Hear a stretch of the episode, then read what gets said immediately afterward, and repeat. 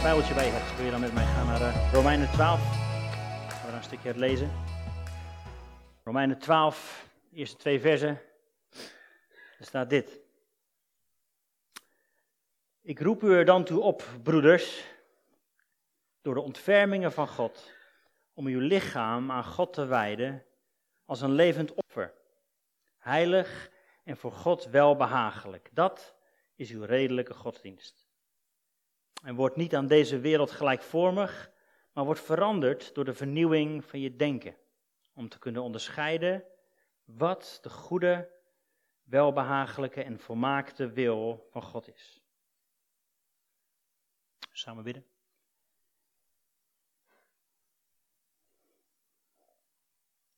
Heere God, wat heerlijk om gewoon in uw aanwezigheid te kunnen zijn. Te weten dat u hier bent, dat u ons omringt, dat u in ons bent.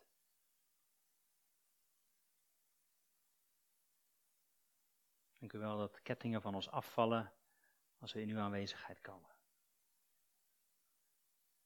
We bidden voor uw vrede vandaag, ook bij de kinderen, bij alle dingen die hier gebeuren. En dat u centraal staat, dat u gezien wordt, dat u troont in ons midden. U bent koning.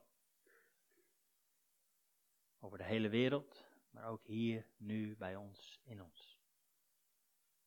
We bidden voor een bijzondere tijd, Heer, dat als uw woord geopend wordt, als we samen nadenken over wie u bent, wat u doet, wat u zegt, dat uw Heilige Geest hier aan het werk is. We willen zeggen, u bent welkom om Jezus te verheerlijken en om ons vrij te maken, om ons steeds meer naar u te laten kijken en op u te laten lijken. Hier zijn we, Heer. Amen. Amen. Yes. Vorige week rond eh, deze tijd liep ik in eh, Barcelona samen met Jaron, mijn zoon. Hij die had ooit stofzuigerzakken gekocht namelijk.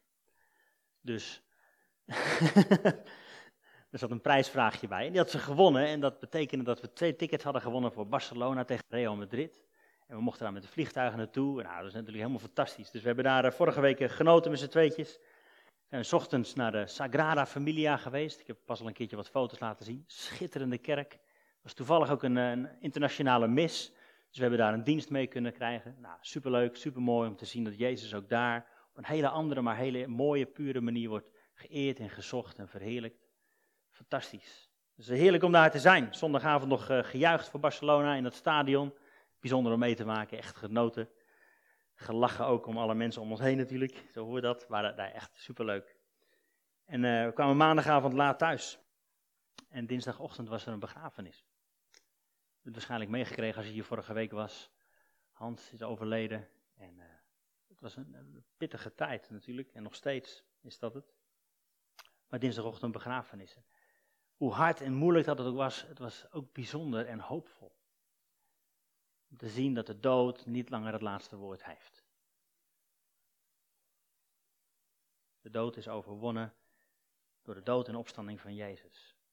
Bijzonder dat dwars door al het verdriet heen ook dat gehoord werd. Afgelopen donderdag was natuurlijk Hemelvaartsdag. Ik weet niet wat jullie gedaan hebben. Wij hebben lekker een taartje gegeten, cadeautjes uitgepakt. Want hij die was ook toevallig jarig die dag. Dus wat moet je anders met Hemelvaartsdag? je kunt ook naar een flat gaan en uh, in een lift stappen en net doen alsof of zo. Je weet, ja. er is nog niet echt een formule voor verzonnen. Maar, maar uh, vorige week heeft Maarten hier een uh, kick-off gegeven. Afgelopen zondag zijn we begonnen met een nieuwe serie. Leven in vrijheid. Leven in vrijheid. En ook wel weer bizar eigenlijk dat je dan ziet hoeveel dingen er gebeuren ineens.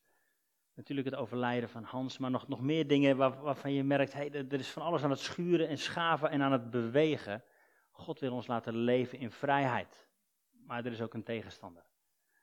En die wil dat niet. En van alles gebeurt er. En nou ja, je, het is bijzonder omdat we daarmee aan de gang mogen gaan. Ik geloof dat het een tijd is waarin God ons vrij wil maken. Steeds meer en meer en meer. En deze, dit thema komt natuurlijk uit de tekst hè, waar we dit jaar mee aan de gang zijn. Hebreeën 12, er staat, laten ook wij, nu we door zo'n menigte van getuigen omringd worden, afleggen alle last en zonde die ons zo gemakkelijk verstrikt. En laten we met volharding de wedloop lopen die voor ons ligt, terwijl we het oog gericht houden op Jezus, leidsman en voleinder van het geloof. Er staat een uitnodiging. Laten we afleggen alle last en zonde. Als we dat omdraaien, dan staat daar, laten we leven in vrijheid. Want dat is de uitnodiging. Laten we leven zonder juk, zonder last. Laten we leven zoals Jezus in vrijheid. En Maarten vatte dat vorige week in mijn woorden een beetje samen met, we zijn gered. Maar we worden uitgenodigd om ook vrij te worden. Jezus zei tegen die vrouw die gesnapt werd in overspel, ik veroordeel je niet, oftewel je bent gered. Maar ga nu heen en zondag niet meer. Oftewel, ga heen en leef vrij, leef in vrijheid. Het is vrijheid van oordeel. Vandaag wil ik het hebben over leven in vrijheid, vrijheid van leugens. Vrijheid van leugens.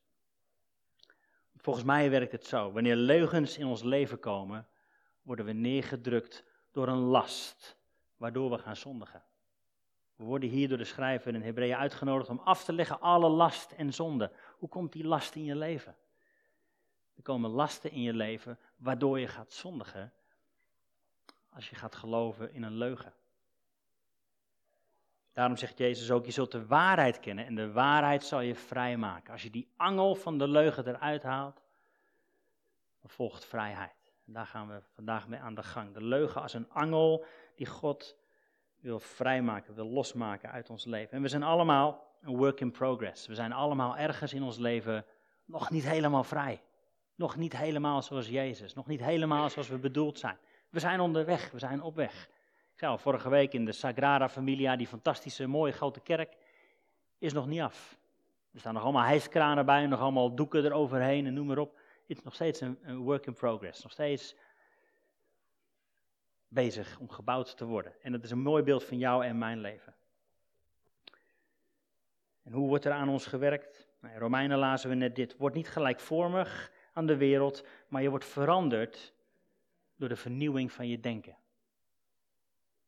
Je wordt veranderd door de vernieuwing van je denken. En ons denken mag en moet vernieuwd worden als we vrij willen worden, omdat we geloven, allemaal, jij en ik, in leugens. Leugens over God, leugens over onszelf, leugens over de wereld om ons heen. En eigenlijk begint het al helemaal aan het begin. De leugens die we geloven lezen we eigenlijk terug in Genesis 3. Hier achter mij verschijnt hij ook op de beamer. Die kunnen erbij pakken. Genesis 3, helemaal aan het begin. God had de wereld gemaakt en hij keek ernaar en hij zei: Het is goed. Alles wat hij maakte was goed. De mens was zeer goed. Gods goede schepping. En de man en de vrouw leefden daar in de tuin. En dan gebeurt dit. De slang nu was de listigste onder alle dieren van het veld die de Heer gemaakt had. En die slang zei tegen de vrouw: Is het echt zo dat God gezegd heeft: U mag niet eten van alle bomen in de hof? Een hele subtiele leugen. Want de vrouw zei tegen de slang: Van de vrucht van de boom in de hof mogen we eten, maar van de vrucht van de boom die in het midden staat, heeft God gezegd: Daarvan mag je niet eten en hem niet aanraken, anders sterf je. Toen zei de slang tegen de vrouw: Je zult zeker niet sterven. Maar God, die weet dat op de dag dat u daarvan eet, uw ogen geopend worden. En dat u als God zult zijn. En dat u goed en kwaad zult kennen. Ja, toen zag de vrouw dat die boom wel goed was om van te eten. En dat hij een lust was voor het oog. Begerenswaardig om verstandig door te worden. En ze nam een vrucht en ze at. En ze gaf ook wat aan haar man, die toevallig bij haar was. En hij at ervan. En toen werden de ogen van beiden geopend en ze merkten dat ze naakt waren. Ze vlochten vijgenbladeren samen en ze maakten voor zichzelf schorten. En ze hoorden de stem van de Heere God die in de hof wandelde, bij de wind in de namiddag. En toen verborgen Adam en zijn vrouwen zich voor het aangezicht van God, te midden van de bomen in de hof. En de Heer riep Adam en zei, waar bent u?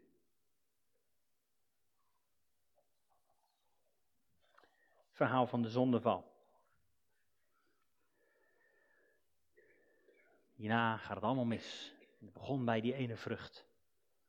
Genesis 4, het hoofdstuk hierna, zien we dat er meteen een moord gebeurt. Twee broers die ruzie krijgen en de oudste vermoordt de jongste. De zonde is in de wereld gekomen en het gevolg is dood. Maar het begint bij een hele subtiele leugen. De angel was een leugen. Ik heb hier een quote van een schrijver, Fyodor Dostoevsky. Er staat boven alles lieg niet tegen jezelf.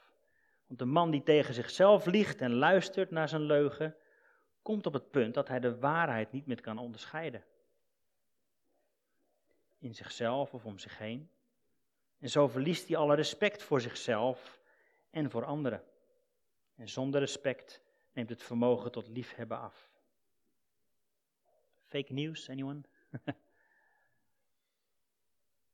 hij kan de waarheid niet meer onderscheiden en zo verliest hij respect voor zichzelf en voor anderen. En zonder dat respect neemt het vermogen tot liefhebben af.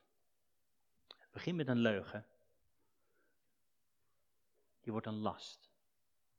En zonde tiert welig in de wereld. Wat zijn wat leugens die we eigenlijk in dit verhaaltje herkennen?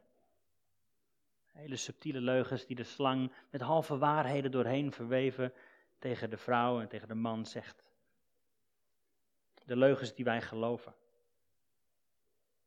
God heeft niet echt het beste met mij voor. God is niet echt te vertrouwen. En als het dan verkeerd gegaan is, God is boos op mij. Want ja, dat laatste zinnetje van Genesis 3 kun je zo ook lezen dat God tegen Adam zegt: Waar ben je? Zo voelen we hem vaak, toch?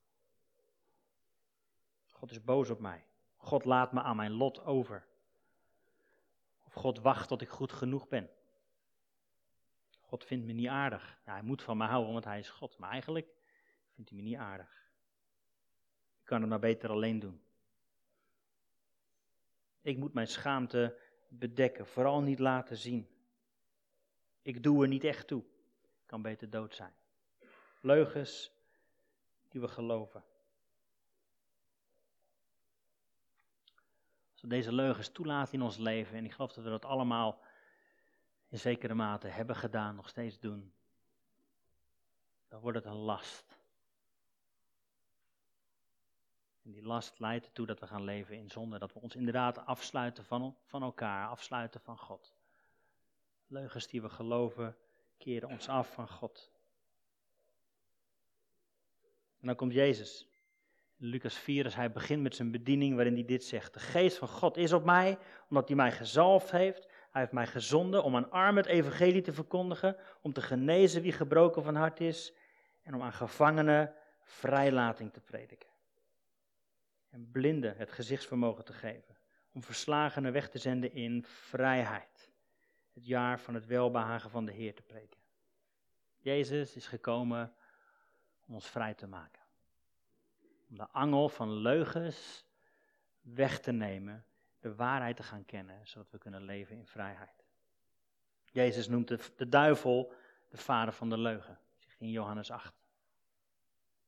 Ik zei het al, strijd is echt. De tegenstander is echt. Geestelijke strijd is echt wij achter Jezus aangaan, als we oprecht Hem gaan volgen, zijn discipel willen zijn, zijn vriend willen zijn, ja dan komt er strijd. Vroeger een voorganger die zei, halleluja, er is strijd, dan gebeurt er tenminste wat. Zijn insteek was altijd, als er geen strijd is, dan betekent dat dat je waarschijnlijk God niet echt aan het volgen bent. Nou, ik weet niet of het helemaal waar is. Maar het, zijn punt is, als je achter Jezus aangaat, dan is er absoluut een tegenstander die is gekomen om jou te vernietigen je kapot en je dood te maken. En die strijd is echt. Goede nieuws is, Jezus is gekomen om ons vrij te maken. We begonnen met Romeinen 12. Er staat, ik roep u dan toe op, broeders, om uw lichamen aan God te wijden als een levend offer. Uw lichamen te wijden als een levend offer. Nou, Paulus schrijft dit aan de Romeinen en Paulus was een rabbi denkt als een rabbi, denkt vanuit het Oude Testament, vanuit het woord van God. En als er een lichaam aan God geofferd werd, dan ging dat gelukkig niet om mensen, maar om dieren. Wat gebeurde er als een offer gebracht wordt aan God? God dan werd het hoofd eraf gehaald, werden de poten eraf gehaald en dan werd de binnenkant schoongemaakt. Hele mooie beelden voor ons nu, denk ik. Wat doen we met ons hoofd als levend offer voor God? Hoofd is een beeld van, van autoriteit, maar ook van je denken. Als we worden opgeroepen om een levend offer te zijn voor God, wie heeft dan de autoriteit in ons leven? Hoe, zit het met ons denken? Wie, heeft de autoriteit in ons leven. Mag God het laatste woord hebben in ons leven. Onze poten. Welke weg bewandelen we? Welke keuzes maken? Welke stappen zetten we? Op welke weg zijn we eigenlijk aan het wandelen? We worden opgeroepen om een levend offer te zijn, oftewel onze wandel aan God te geven. Onze keuzes, onze stappen zijn niet van onszelf, maar behoren God toe. Als een levend offer gaat ons hoofd eraf, onze poten eraf en wordt onze binnenkant schoongemaakt. Ons geweten, ons hart, de binnenkant wordt gereinigd in dat proces. Als we onszelf willen geven als levend offer.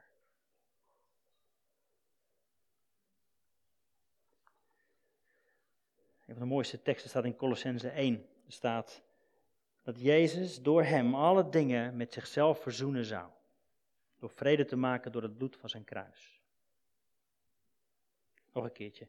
Dat hij door hem alle dingen met zichzelf verzoenen zou. Door vrede te maken door het bloed van zijn kruis.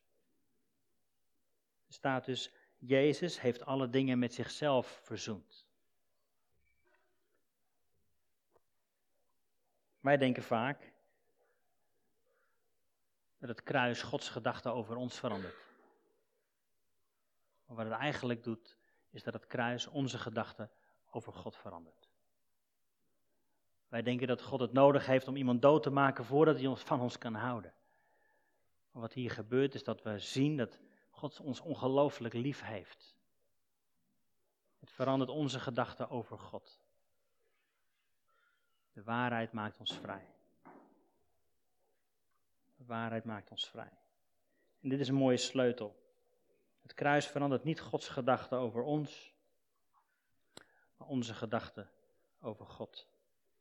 En hoe werkt dat? Vrij worden van leugens.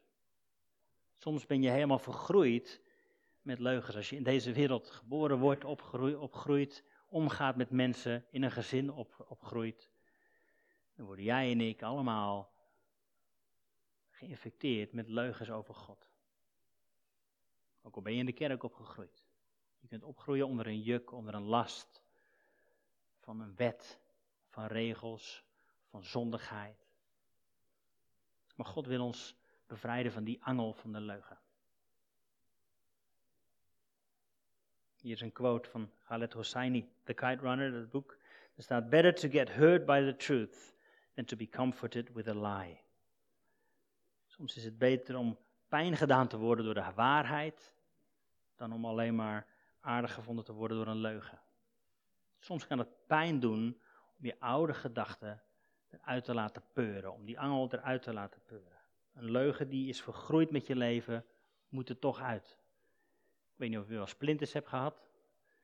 Of nog leuker, een kind die een splinter in zijn voet heeft en wil proberen te bevrijden met een pincetje. nooit, nooit zo hard zien trappelen, schreeuwen en gillen. Maar dat kring moet er wel uit, toch? Je doet alles dat ding eruit te halen. Dat is wat God met ons aan het doen is. Hij is splinters uit ons aan het halen, zodat we weer normaal kunnen wandelen met hem. De angel, de splinter mag eruit. Hoe worden jij en ik vrij van leugens en gevuld met waarheid? Nummer 1. Gods woord. Hoe worden we vrij van leugens? Ga je voeden met de waarheid van Gods woord. Johannes 8 staat, Jezus zei tegen de Joden die in hem geloofden, als u in mijn woord blijft, bent u echt mijn discipel. En dan zult u de waarheid kennen en die waarheid zal je vrijmaken. Zijn woord is waarheid. Hoe word je vrij van leugens? Blijf in zijn woord. Lees je Bijbel. Het woord van God is het zwaard. Scherper en krachtiger dan enig tweesnijdend zwaard. En het dringt diep door en soms doet het pijn. Soms zijn er dingen waar je zo mee vergroeid bent, over je zelfbeeld. Dat God het aan wil raken, die angel eruit wil halen, zodat je vrij kunt komen. Want wat is die waarheid? Ik noemde net een aantal leugens op, die we misschien in meer of mindere mate wel herkennen. Maar Gods woord is de waarheid. En Gods waarheid is, God heeft het beste met mij voor. In tegenstelling wat we zien gebeuren En wat de slang in probeert te fluisteren tegen de vrouw. God heeft het beste met je voor. En God is echt te vertrouwen. God is blij met mij. God laat me nooit aan mijn lot over. En hij wacht niet tot ik goed genoeg ben. Maar God vindt me aardig. Ik kan het beter samen doen. Ik hoef mijn schaamte niet te bedekken voor ik bij hem mag komen. Mag komen zoals je bent. Ik doe ertoe. Ik mag leven. Dit is Gods waarheid. Ik zou je willen aanmoedigen, vind manieren om je te voeden telkens weer met die waarheid. Ik weet niet wat voor muziek je luistert, wat voor boeken je leest, wat voor films je kijkt, wat voor Netflix-series je volgt, maar hoe leuk het allemaal is, voed je met Gods waarheid. We hebben het in het verleden wel eens gehad dat we een cd hadden met alle, of niet alle, waarschijnlijk niet alle, maar heel veel beloftes vanuit de Bijbel. En regelmatig zetten we die s'avonds een cd'tje op voordat we gingen slapen. En ondertussen werden we gevoed met Gods waarheid. Gewoon beloftes van God. God houdt je vast met zijn sterke arm. God houdt van je. God is voor je. God is met je. God heeft een hoopvolle toekomst voor je. Voed je met die waarheid. En langzaam zullen de angels, de leugens uit je leven verdwijnen. Hoe word je vrij van leugens? Voed je met Gods woord. Ook nummer twee, laat je omringen en vullen met Gods geest. In Johannes 14 staat dit. Jezus zegt, ik zal de Vader bidden dat hij u een andere trooster zal geven. Een die bij u blijft tot in eeuwigheid. Namelijk de geest van de waarheid. Die de wereld niet kan ontvangen, want ze ziet hem niet en kent hem niet. Maar u kent hem. Want hij blijft bij u en hij zal in u zijn. Hoe word je vrij van leugens? Laat je vullen met de Heilige Geest, de geest van de waarheid. Wandel je met de Heilige Geest? Ken je de Heilige Geest? Ben je vervuld, gedoopt in de Heilige Geest? Jezus is de doper in de Heilige Geest, niet mensen. We hebben hem nodig. Nodig om vrij te leven. Om leugens weg te wassen uit ons leven. Daarom zijn tijden van aanbidding zoals we die net hadden ook zo heerlijk. Dat we uitroepen Gods waarheid, dat we proclameren, ik ben niet langer een slaaf van angst. Ik ben een kind van God. Dat roepen we uit, dat proclameren we. Dat is Gods waarheid die we uitspreken. Woorden hebben kracht. Gods woord heeft kracht. Het is als een zwaard dat we gebruiken in dat gevecht tegen de tegenstander. Maar die tijden dat we hier staan of zitten of luisteren of meezingen, in tijden van aanbidding, dat je ervaart de Heilige Geest is aan het werk. Die waait door de ruimte heen, die waait door mij heen. Is bezig om me vrij te maken. hebben we nodig. Ben je vervuld met de Heilige Geest? Zo niet, wees niet bang. Dit is Jezus' gebed, hè? Niet mijn gebed. Jezus bidt tot de Vader dat hij ons de troosten geeft, dat hij ons de geest van de waarheid geeft. We hebben hem nodig. Als laatste, hoe worden we vrij van leugens? We hebben Gods woord nodig, we hebben Gods heilige geest nodig. We hebben ook Gods mensen nodig. We hebben ook Gods mensen nodig. Als laatste staat daar Efeze 3, opdat Christus door het geloof in uw harten woont en u in de liefde geworteld en gefundeerd bent opdat u ten volle zou kunnen begrijpen, met alle heiligen samen, wat de breedte en lengte en diepte en hoogte is, en u de liefde van Christus zou kennen, die alle kennis te boven gaat, opdat u vervuld zou worden tot heel de volheid van God. Dit is zo'n mooi stukje wat ertussen staat, met alle heiligen. Alleen gaat het ons niet lukken om de volle hoogte, breedte, diepte, lengte van Gods liefde, van Gods waarheid te gaan kennen. Wat we daarvoor nodig hebben, is andere mensen. Ik weet niet met wie jij je omringt. Ik zou je willen aanmoedigen, omring je met goede mensen. Met mensen die vol zijn van Gods woord, die vol zijn van Gods geest. Mensen die misschien het slechtste in je zien, maar het beste in je naar boven halen. Omdat ze voor je zijn. Mensen die de angel mogen zien eruit helpen poeren. Je zulke mensen om je heen? Kies je vrienden, kies mensen met wie je samen optrekt. Want de uitnodiging is daar. Laten we alle last en zonde van ons afwerpen. Oftewel, kom, leef in vrijheid. Jezus is gekomen om jou te laten leven in vrijheid. Ik weet niet welke leugen in jouw leven actief is. Misschien weet je het zelf niet eens.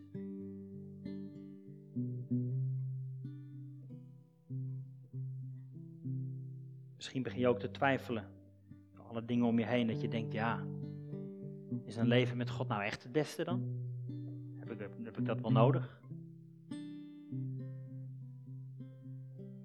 God zal ondertussen wel teleurgesteld zijn, denk ik. Ik heb nu een paar dingen verkeerd gedaan, misschien laat me even zitten. Zo. Mijn schaamte bedekken. Ik doe er eigenlijk toch niet echt toe. Is niet zo belangrijk. Laat mij maar even alleen. Typisch mannendingetje ook trouwens. Herken ik ook heel erg. Dingen waar ik, die ik heb meegemaakt in mijn jeugd, in mijn opgroeien. Ik eigenlijk denk, laat mij maar even alleen gewoon. Ik regel het zelf wel. Ik heb eigenlijk niemand nodig en God misschien ook wel niet. Het zijn leugens die nog steeds in mijn achterhoofd meespelen. Angels die er zitten, die eruit gehaald moeten worden. Die rare splinters waarvan je weet het hoort er niet. En het doet pijn in mijn voeten. Daardoor ga ik raar lopen, maak ik misstappen. Maar om stil te gaan zitten en zeggen: Oké, God, u mag ze eruit halen. Kun je niet alleen. Heb je mensen bij nodig. Mag ik nog één keer die waarheid over je uitspreken? Misschien kun je eenvoudig je ogen sluiten. Wil ik je zegenen met Gods waarheid over jouw leven. God heeft het beste met jou voor. kunt God echt vertrouwen. Hij is voor je.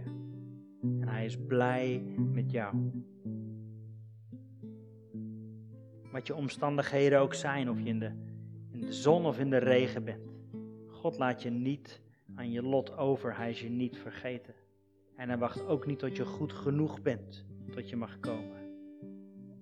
God wacht met open armen. Hij vindt je aardig, hij vindt je mooi, hij vindt je te gek. En hij wil graag het leven samen met jou doen. Je hoeft je schaamte niet te bedekken voor hem. Want je doet het toe. Belangrijk in zijn ogen. En je mag leven. Heere God, we willen vrij zijn. Net zo vrij als Jezus is. Zo willen we leven, want dat is het leven wat u voor ons bedoeld heeft.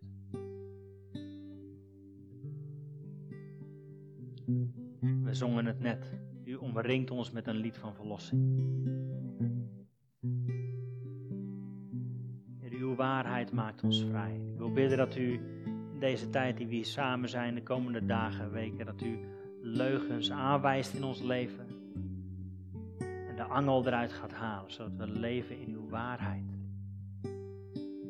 Dank u wel dat u ons de autoriteit heeft gegeven om te regeren over leugens. Dank u wel dat u ons uw zwaard, uw woord hebt gegeven om de strijd aan te gaan met leugens. U wel dat u uitroept de overwinning is al behaald. Heer, we willen ook erkennen dat geestelijke strijd echt is de duivel is een verslagen tegenstander, maar hij gaat proberen nog rond te gaan als een leeuw ook in ons leven. Ik wil over ons uitspreken dat we vrij zijn in Jezus' naam. Dat de vrijheid is door zijn volbrachte werk. Dat de duivel geen macht over je heeft. Vrijheid mag zijn. Dat elke ketting die je ervaart in je leven afgebroken wordt in Jezus' naam elke leugen die nog in je leven probeert te groeien en te wortelen, dat die eruit getrokken zal worden in Jezus' naam. Zodat je mag leven als een kind van God.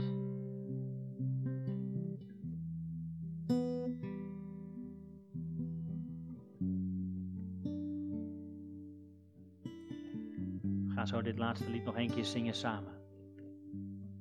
We bidden dat je dat met je open hart zult doen naar God. Dat je zult uitspreken proclameren over jouw leven, over jouw situatie. Ik ben niet langer een slaaf. Niet van leugen, niet van angst. Ik ben een kind van God. Laat Gods waarheid over je heen spoelen. Dat